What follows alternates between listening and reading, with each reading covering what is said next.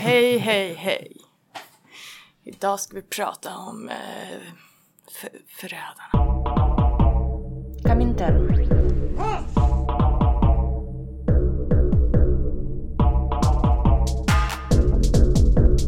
Berätta inte för mig om det svenska klassamhället. Jag har sett det. Jag har växt upp i det.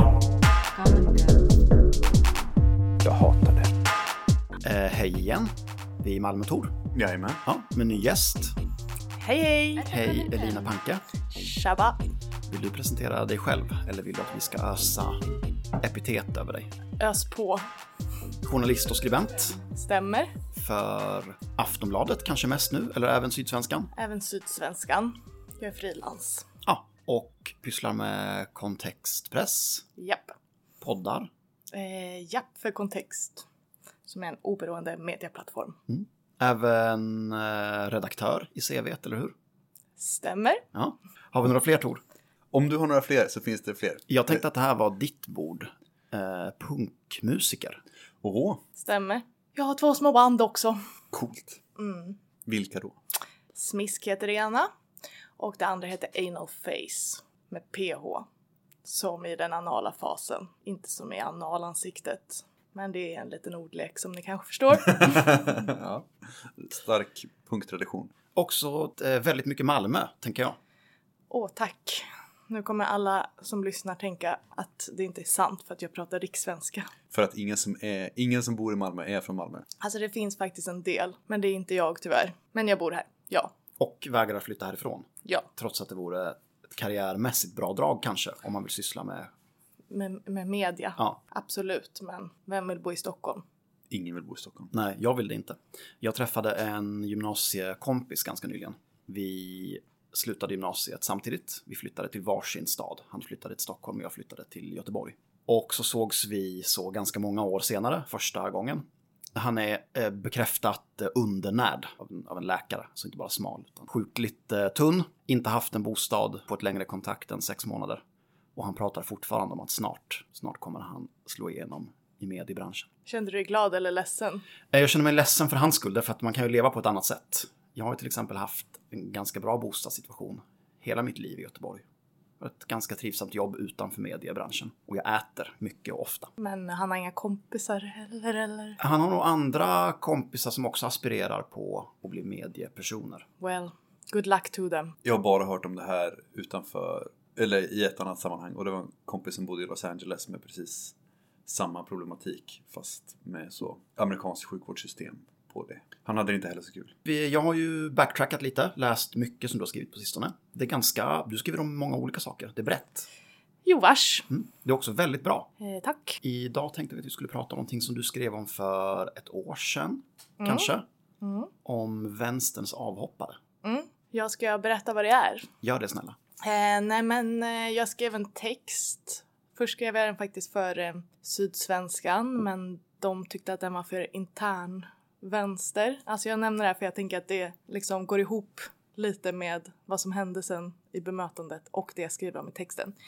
Men eh, jag hade väl registrerat tillsammans med många andra med mig att folk liksom lämnade in någon slags avskedsansökan till vänstern.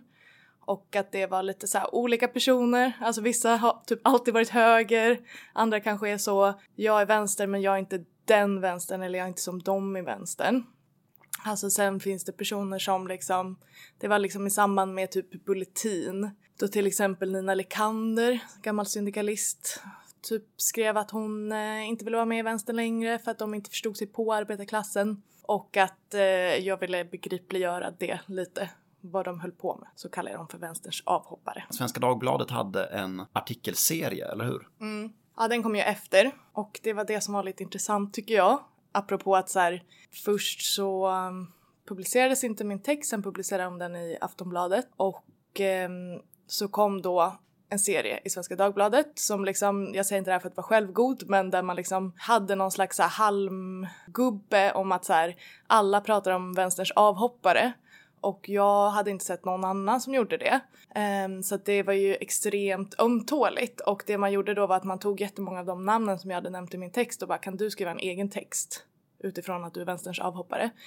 Och sen några andra personer så då var det bland annat Christian Lundberg eh, som eh, är författare och som vad jag vet aldrig riktigt har sagt att han har varit vänster. Han har ställt upp för KD bland annat för en massa år sedan.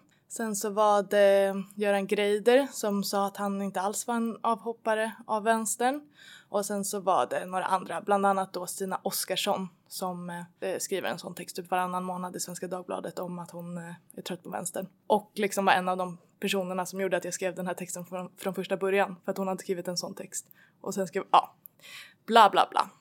Det finns ett omätbart intresse på texter om att man har hoppat av vänstern. Ja, nej men så här, det som jag tycker är intressant är väl typ att alltså det man hade kunnat tänka idag när liksom, eh, jag vill inte snacka ner vänstern men det går inte jättebra för vänstern i världen. Vi kan ändå konstatera typ att det går ganska bra för kapitalismen, att vi kanske kommer få en så här fascistisk re eh, regering i Sverige och i många länder. Och att de har liksom problemformuleringsprivilegiet eller vad man ska säga. Och om någon liksom i den hegemonin går ut och allierar sig med makten eller säger så här oj just idag så kom jag på att jag inte vill vara vänster så borde kanske reaktionen vara så okej du är en nyttig idiot, fine. Eller du vill göra karriär eller du vill sätta mat på bordet eller vad det nu kan vara. Men att istället behandlar man det som att säga gud vad modigt typ. Eh, wow, typ att du vågar göra upp med vänstern typ. Så det är lite pikant tycker jag. Mm. Det är ju som du säger lustigt med personer som eh, Christian Lundberg till exempel som har kanske vacklat politiskt lite. Jag läste någon intervju med honom kring Jarden i typ Dagens Arbete eller någonting. Där han säger så att ja, men jag tyckte det var dags med en strukturell kritik av kapitalismen. Så fine liksom. Och sen var det lite KD och nu säger han att vänster har missförstått Jarden. Det är inte alls det den handlar om. Men jag tyckte Tor Gaslander i Flamman skrev ganska bra. Han skrev att det är ju aldrig någon som har krävt någon ideologisk renlärighet av Christian Lundberg. Vad vi däremot har gjort är att vi har försett dem med arvoden och så ABF-pengar och sånt för bokpresentationer och föreläsningsserier och sånt. Så ett litet, litet tack kanske. Eller? Ja, nej men och, det, och så här, det tycker jag är viktigt att säga att så här, den diskussionen handlar inte heller om, om renlärighet, alltså att prata om så. Men hallå, ni är inte vänster. Det handlar inte om att vara så här.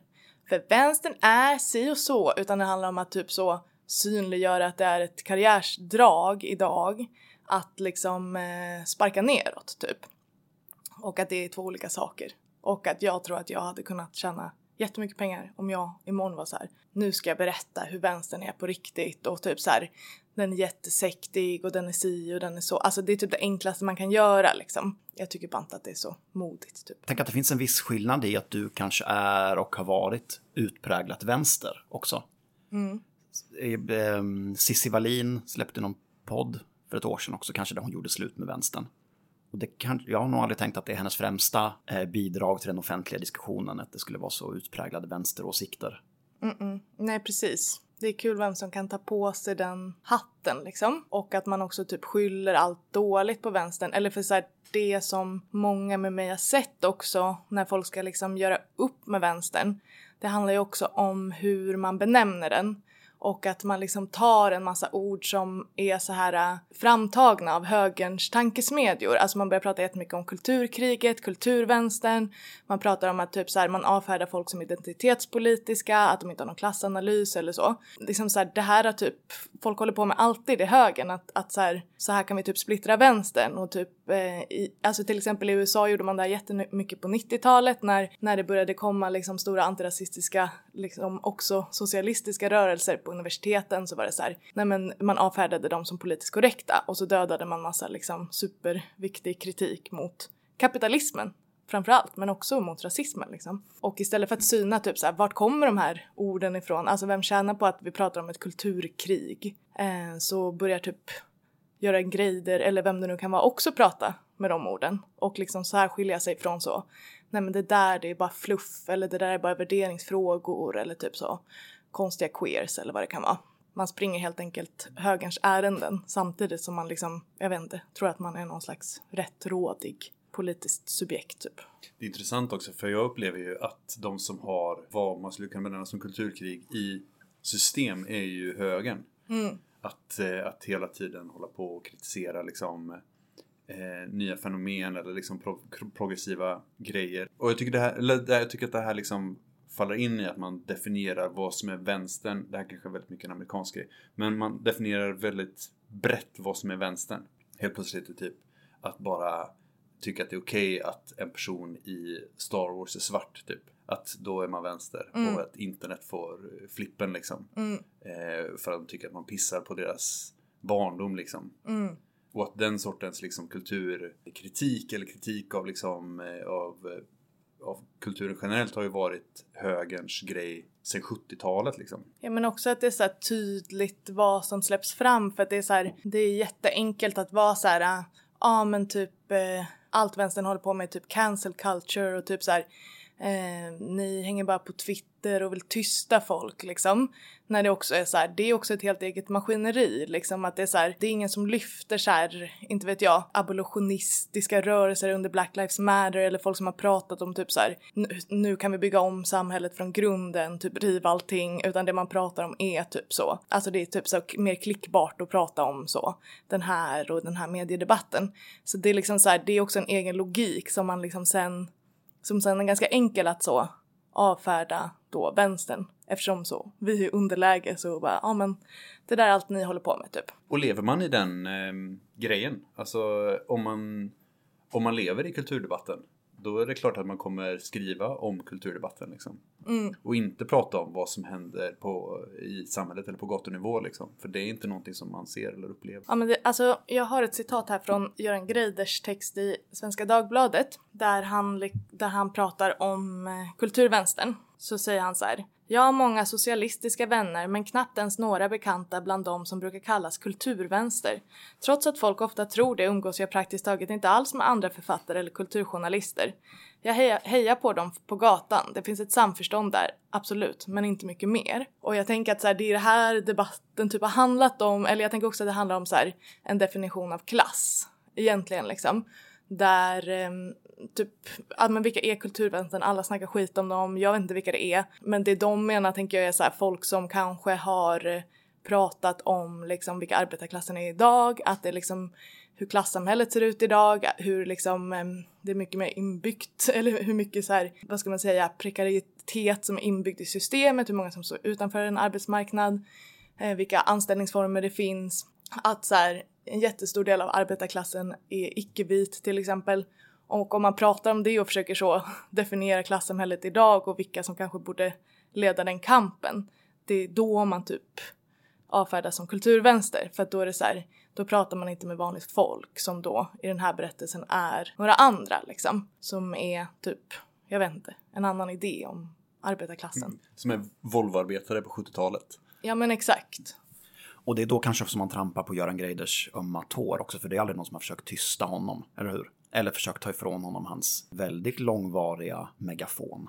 Nej precis. Och sen liksom, alltså jag menar han är ju sosse så att eh, det, det är inte så konstigt att han tycker och tänker som han gör men liksom jag tycker ändå att det är viktigt att prata om de här personerna för att de ofta får vara liksom de får ofta berätta en berättelse i offentligheten om vad vänstern är och vad den inte är liksom och avpolitiserar jätteofta stora sociala rörelser som liksom flum typ och att det är farligt och tar bort jättemycket motståndskraft. Typ. Man får inte gå vilse i det heller att de är allt liksom utan det är så, det här tänker jag är så, vilka får berätta en berättelse i offentligheten. Men jag menar, det kan ju också vara såna här personer som typ Mauricio Rojas som typ, det är väl lite oklart men eh, han är ju med i Liberalerna. Jag vet inte om han är det fortfarande, jag tror det. Han var Chiles eh, kulturminister tror jag i typ fyra dagar innan han blev kickad för han började snacka skit om ett minnesmonument efter diktaturen. Just det, han är lite förtjust i Pinochet va? Ja, han satt ju i Sebastian Piñeras regering, Eh, högerregeringen. Han satt inte där så länge, men han har ju också gjort en sån karriär i Sverige, i liksom svenska högern, på att prata om att han har varit i liksom en chilensk vänster som många ur vänstern där förnekar att han har varit. Jag vet att America Vera Zavala till exempel har skrivit om det här så jag menar, alltså det är inte bara så här bla bla bla, någon, någon eh, kulturskribent, utan jag tänker att det finns, det finns typ ett intresse också bredare att så här ha en sån röst som bara ja, typ jag vet hur det är där och jag kan berätta att vänstern är helt galna och jobbiga typ. Men att det är som en politisk strategi, inte bara som ett karriärsteg liksom. Ja, alltså jag vet inte varför liksom var och en gör det. Alltså många gynnas väl av det, men, men jag tänker att det är ju väl jättevälkommet hos en höger att ha någon sån person som ska berätta om sanningen. Typ. En annan person som har gjort den grejen många gånger är Ivar Arpi. Han drog det som ett mantra under väldigt många år. Att han var vänster och att han kommer från en så rödgrön Majorna-familj. Men att han omvärderade allt efter Göteborg 2001. Ja, och då blir det en sanning att det är så här, det är inte bara jag, eh, alltså folk kan ju by- byta ideologisk tillhörighet av massa anledningar och det får man väl göra om man vill liksom. Men det är väl just det att det är så här, um, typ jag har sett det, jag har levt det. Som jag tror att ni har i ert intro också.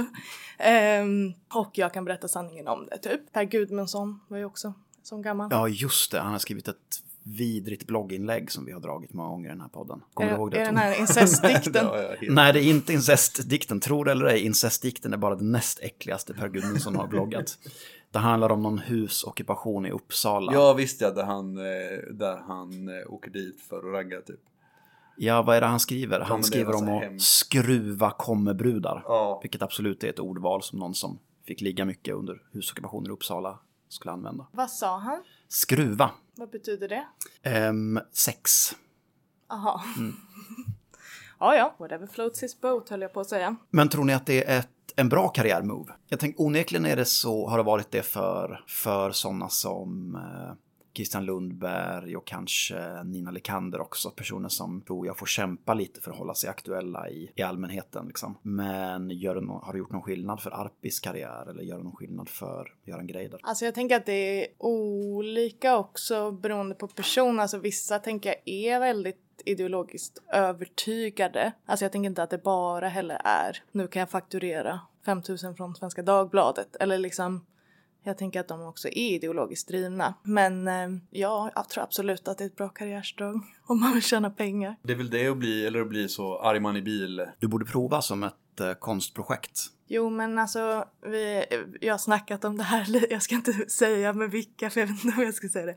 Men vi pratade om att det hade varit kul att prova. Men nu har jag sagt det så nu, nu är jag bränd. Så nu måste du göra det. Exakt.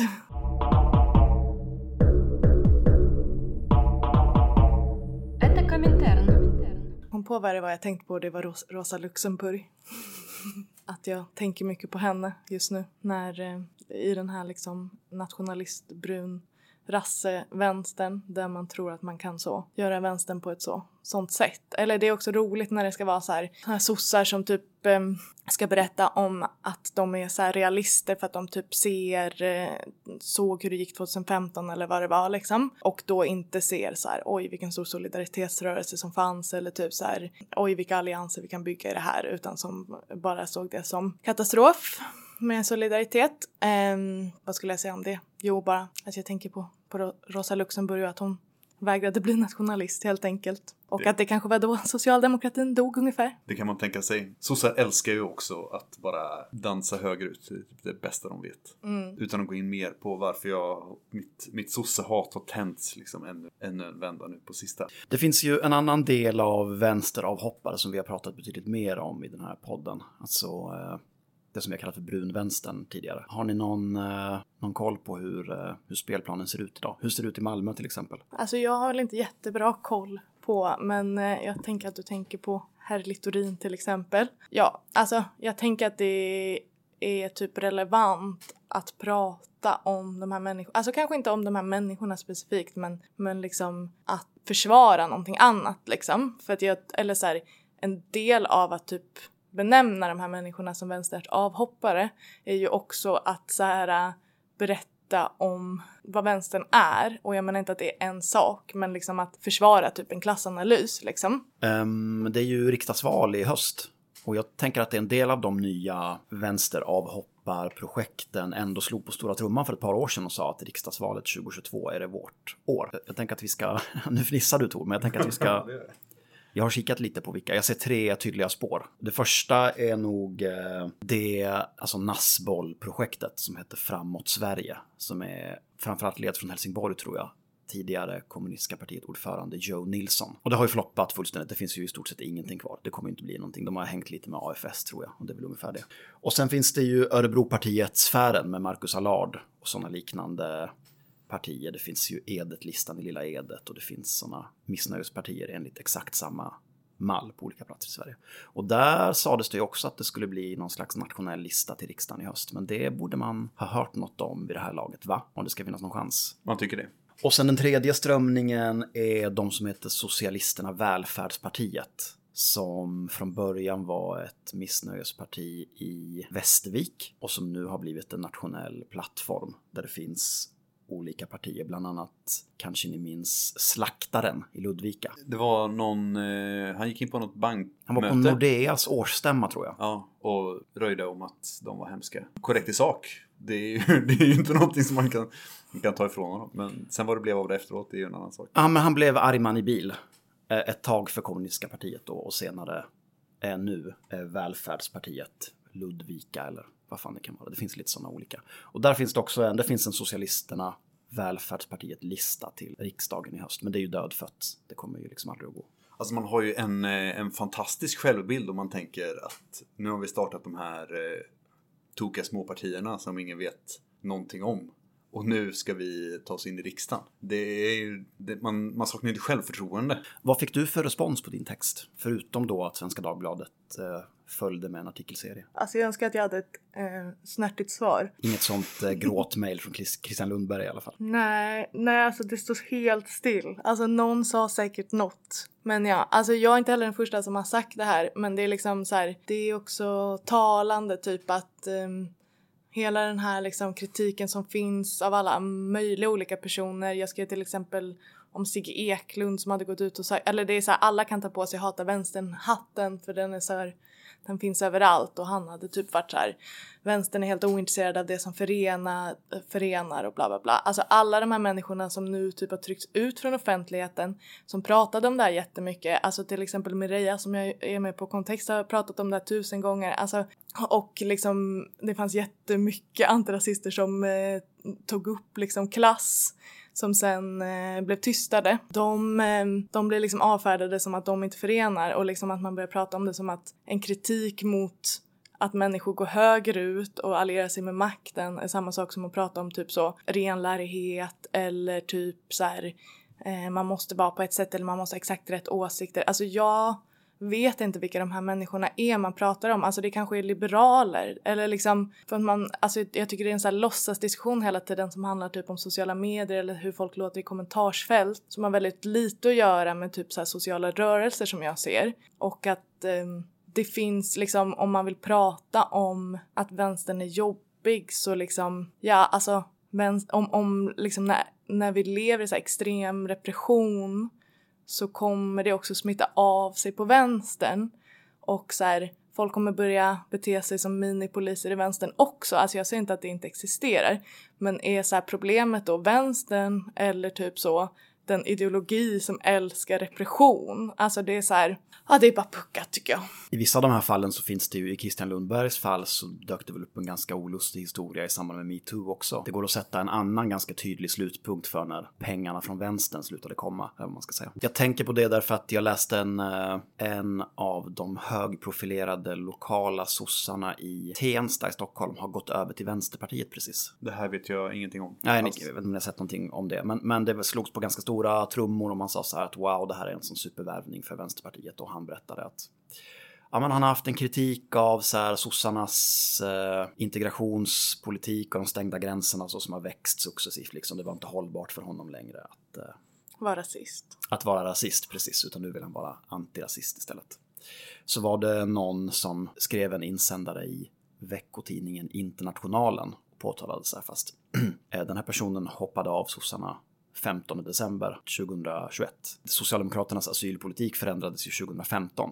Det som hände den 15 december 2021 eh, var att sossarna satte sin riksdagslista och han fanns inte med. Omvärderanden, även om de sker, även om det är ett steg vänsterut så kan det vara förljuget ibland. den egna berättelsen. Men jag, alltså jag har inget förtroende för eller så här, mitt förtroende för folk i den här ställningen är så, alltså, är så förbrukat. Så att det är inte ens någonting som gör mig eh, på något sätt förvånad. Man bara, okej, ja men du gjorde ett karriärsmove. Bara, Absolut, det, var, det var vad du pysslade med liksom. Och samma sak för många av, ja men så här, folk som, folk som sitter och eh, och skriver olika så här, kultur, eh, ja men har, håller på och skriver ledare och sånt. Det, ja, mitt, man måste liksom bevisa att man är någonting mer än bara... Man måste göra någonting som jag känner är liksom lite mer på riktigt för att jag ska bli förvånad och besviken när man sen sviker liksom. Mm. Jo men alltså lite så är det ju att så här, offentligheten ska do what offentligheten ska do typ. Men jag, alltså jag tycker också att det det finns den berättelsen i rörelser eller liksom i samhället att det är så här att man skyller typ samhället vi har där liksom eh, eller så här, istället för att prata om klassklyftor, istället för att prata om vilka som är arbetarklassen, istället för att prata om hur vi ska typ organisera oss, så pratar man om typ, åh vad folk är så här jobbiga och liksom eh, fokuserar på fel sak och liksom, alltså att, att folk vill fortfarande ha typ så här bekräftelse av staten eller bekräftelse av typ så här LO-gubbarna som Vänsterpartiet håller på med nu eller liksom att det finns en sån, eh, alltså att det är mycket mer utbrett än de här liksom, ja, alltså absolut. Vem är Stina Oskarsson liksom som har skrivit alla de här texterna har väl aldrig varit så här eller vad vet jag, hon har varit vänster liksom. Men det är inte hon som kommer liksom sitta på svaret åt något håll såklart liksom. Men jag tänker att vi måste vara försiktiga med liksom när det blir någon slags sanning om typ så eh, vilka som stör eller liksom vilka som får vara med och vilka som inte får vara med typ. Så det är väl det. Men det är också så här ett bevis på vänsterns kraft kan man ju säga, alltså även om det är deppigt liksom. Om, om man då ska prata om henne då, Stina Oskarsson, så vad heter det? Alltså hon har skrivit, typ släppt någon så här diktbok där hon typ så här, jag gick förbi ett demonstrationståg, jag klarar inte av, alltså så här går den inte exakt, men typ så här. Och jag klarar inte av deras, att de inte tvivlar på något och alltså hon typ beskriver att de är sektiga och konstiga, fast i poesiform. Och eh, ja men så här, vad är det eller vad är den bilden? Jo men det är så här att hon blir störd av liksom någon typ av motstånd eller kollektivitet. Och det- så, och så här, det tänker jag är bra. Eller liksom så här, alltså det är också det, den enda motivationen till så här, hur, varför kan Svenska Dagbladet ha typ sex texter som svarar på lite så här, en, alltså att man låtsas att så här, oj vilken stor och stark röst som säger att vänsterns avhoppare, man bara mm, eh, tack för eh, eh förtroendet men, men det var inte så många som sa det liksom. Alltså det, att vara vänster kommer ju sticka ut när högern har he- hegemonin liksom. Och det kan man ju också använda liksom. Att istället för att då vara så här, nej, nej, nej, vi är inte alls farliga eller vadå? Typ så här, kom, möte, dialog, typ eh, samtalsaktivism, Navid Modiri. Eh, att också vara så här, äh, ja men typ, det kommer, det här är någonting som bryter med status quo liksom. Mm. Och det är meningen att det ska göra det för att vi vill typ inte leva i det här samhället liksom. Och det skulle väl öka i frekvens kan man tänka sig om eller när vänstern växer i styrka, eller hur? Oj vad störigt det kommer att bli. Ja, Jätte, jättejobbigt. Jag ser fram emot det här. Det ska bli, det ska bli kul. Sen vissa människor kanske skulle tycka att det är störigt att se bilder på barn som dör på Medelhavets stränder och sånt. Men det är ju olika vad man tycker är det, det är inte de så intresserade av liksom. Utan eh, om man tar upp det så är det bara så här, eh, oj det där är identitetspolitik och prata om att så. Folk flyr från länder dit Sverige har sålt vapen och eh, man vägrar släppa in dem. Och då är det så här, varför pratar ni om typ vithet? Det är inte intressant. Man bara, ja, men typ så här, kolla vilka du allierar dig med, typ. Och vad ni har gemensamt förutom att ni tjänar massa pengar på att säga det här, typ. Men så det verkligt intressanta och det modiga nu i samtiden vore ju en högerns avhoppare, eller hur? Har vi någon? Eh, alltså, det beror väl på vad man menar med högern. Det är klart det finns en och annan ex-nasse som föreläser för Exit liksom, men, men eh, i någon slags större offentlighet. Nej, det är väl det vi har. Nej, jag försöker tänka vem som har hoppat av högern. Det känns lite tomt. Jo, jag vet vilka som är högerns avhoppare om vi ska prata om offentligheten. Och det är till, till exempel Thomas Engström och Margit Richert som är ett par som har skrivit mycket högergrejer och sen blev vänster. Och som nu skri som är journalister liksom. och det tycker jag är intressant att så här, det är inget mot dem liksom. Och eh, jag tycker det är toppen om, om folk blir vänster. Men det, är typ, det går lite åt det hållet också att så här, då blir typ de rösterna för vänster, alltså hellre än att liksom ta i tång med de här som har så här, avfärdats som typ så antirasistiska flummar eller så här äh, jobbiga queer som inte kan någonting om klass typ som folk blir lästa som hela tiden så fort de inte är typ så eh, vita gubbar som jobbar på fab fabriken så tar man typ in en höger som precis har upptäckt att de är vänster liksom. Ja, och så får de vara språkrör för... Ja, bara samma människor överallt. Nej men det är väl också det med att ha en, en eh, hegemoni liksom.